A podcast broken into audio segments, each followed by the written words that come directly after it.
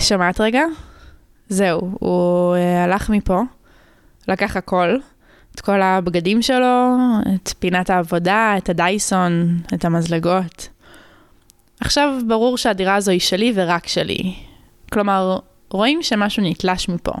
בכל זאת אין מזרן על המיטה ואין כוסות יין ואין שלט על הדלת, אבל כל מה שנשאר בו הוא לגמרי שלי. נראה לי שאני אחפש ביד שתיים רהיטים חדשים. הרי אנשים נפרדים כל הזמן, בטח מישהו אי שם מנסה להיפטר דווקא מריהוט לסלון. יהיה לי בסדר. נכון? זה לא היה כזה נורא כמו שחשבתי. אני ישבתי בסלון, הוא הגיע בדיוק בשעה שאמר. אפילו נתן לי חיבוק כשהוא נכנס. אחר כך מזג לעצמו כוס מים, בואי, אני לא בדיוק צריכה לארח אותו כאן.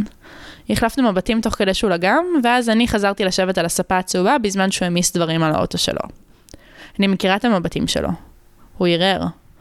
ובמהלך הדקות הארוכות של ישיבה על הספה בזמן שהצעדים שלו עולים, יורדים, נכנסים, יוצאים, לא יכולתי שלא לטעות מה... מה אם... מה אם אני פשוט אבקש ממנו לעצור? מה אם אני פשוט אתפכח ואבין שעשיתי דבר דפוק לחלוטין, ומה הקשר להיפרד עכשיו? הכל הולך טוב ואנחנו מסתדרים מעולה. בכלל, זה יהיה הרבה יותר קל במקום להסביר עכשיו לכל המשפחה והחברים מה קרה, ולהכניס אותם לתוך הבטן שלנו ולאזורים הכי אינטימיים של הקשר. פשוט נמשיך אותו. כרגיל. הוא לא ייסע להורים שלו, אלא יישאר לישון כאן, והבית יישאר כמו שהוא היה, למה צריך לפרק את זה? אני תמיד כזו דרמטית. למה אני לא רואה בזה פשוט פאנצ'ר? אוקיי, רגע לא נעים, אבל ממשיכים. במפר, בדרך, כביש עפר, זה לא אומר שהאוטו טוטלוס.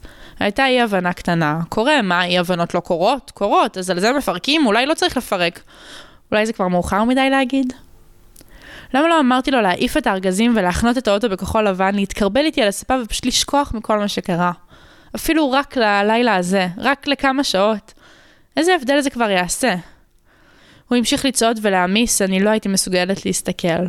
התנהגתי כאילו אני מרוכזת בפלאפון שלי, אבל בפועל רק נתתי לפיקסלים להחליף צבעים לנגד עיניי, בזמן שבראש שלי ראיתי את כל המקומות שלא נטוס אליהם יחד. כל המתנות שלא נקנה זה לזו. כל הילדים שלא יהיו לנו. כל הלילות שנישן בנפרד. אני אתחרפן אם תהיה לו מישהי אחרת.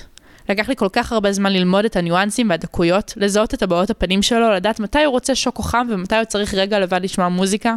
אני מכירה בעל פה את כל השיטות שלו לנצח אותי בשחמט. להפסיד לי בשחמט. מה זה משנה? אנחנו לא נשחק יותר שחמט וגם לא נריב על ניקיון וגם לא נאמץ כלב ולא נלך לקולנוע ולא נתחבק ולא נתנשק ולא כלום. אבל... מה אם... כן. מה אם נצליח? איכשהו, לא יודעת, להתגבר על זה.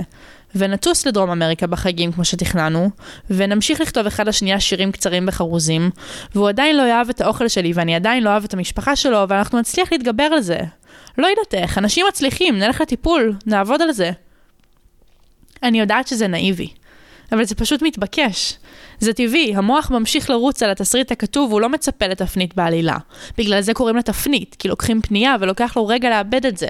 הוא לא טוב עם שינויים, המוח, וזאת בלי לדבר על הלב. אז הוא ממשיך לדמיין, והוא נאחז בזה כי זה כל מה שנשאר לו. הוא מנסה לשכנע את העולם שהתסריט המקורי, בלי טוויסטים ובלי שמיסטים, הוא פי אלף יותר טוב, ולא צריך לשנות את העלילה עכשיו. איזה שדרוג אנחנו מצפים שיצא מזה? אני לא רוצה ללכת ברחוב עוד שלוש שנים, לחלוף על פניו ולא להגיד שלום. או גרוע מזה, להגיד שלום, קר, מרוחק, מנותק. לא לדעת בכלל מה קורה בחיים שלו, איפה הוא עובד והאם הוא יתאהב במישהי אחרת. מעכשיו הוא יכול בכל רגע להתאהב במישהי אחרת, אבל אני עדיין לא פיניתי את המקום שלי בלב שלו. אני רק ישבתי על הספה. דמיינתי איך במקרה ניתקל זה בזו בעוד עשר שנים, ולמרות שהלב שלנו יוצף ויגש וזה יטלטל את הכל, לא נגיד כלום. בדיוק כמו עכשיו. שמעתי אותו פותח את המקרר, לא העזתי להביט. אני מקווה שהוא לא לקח את הריבה של אמא שלי. אני יודעת שהוא אהב אותה, ושהיא מכינה אותה בעיקר בשבילו, אבל היא אימא שלי יותר משהריבה היא שלו. הוא עלה וירד עוד כמה פעמים, אני לא ידעתי לספור, ואז שמעתי אותו נעצר. הוא עמד ומלמל איזה משהו, שכנראה שזהו, ואני ידעתי בתוכי שזהו, זהו, זהו, זהו, זהו, זהו, זהו, סופי, סופי, סופי, ודי. לא הייתי מסוגלת להסתכל לו בעיניים, אבל עשיתי את זה, כי לפעמים את נורא רוצה להמשיך את הקיים, אבל את מבינה שאין ברירה אלא להסתכל למציאות בלבן של העיניים, אפילו שאת בוכה והכל מטושטש. בשלב הזה כבר לא התחבקנו. אני חושבת שבכלל לא אמרתי כלום. הוא הזכיר לי שצריך עוד להעביר את הארנונה כך שתהיה על שמי, ואמר שאני יכולה להתקשר אליו אם אני אסתבך עם זה.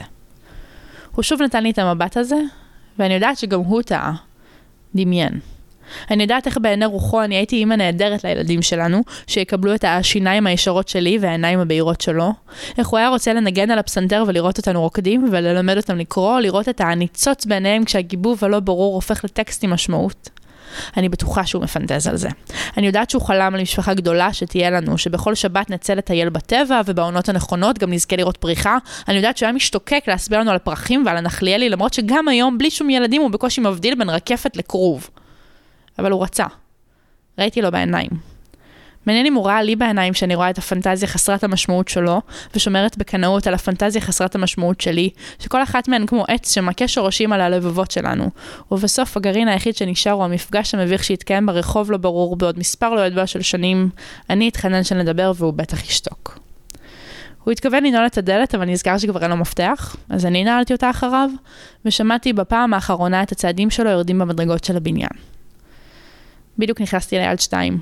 מישהו מוסר פה שידת החתלה לתינוק. אוף. אני אלך לראות טלוויזיה או משהו. תבואי אליי כשאת יכולה. נאכל גלידה. או צ'יפס, מה שתרצי. אפשר גם סתם חביתה, אבל אם כן, אז תביאי שני מזלגות כשאת באה. סליחה על החפירה. תודה שהקשבת לפודקאסט שלי.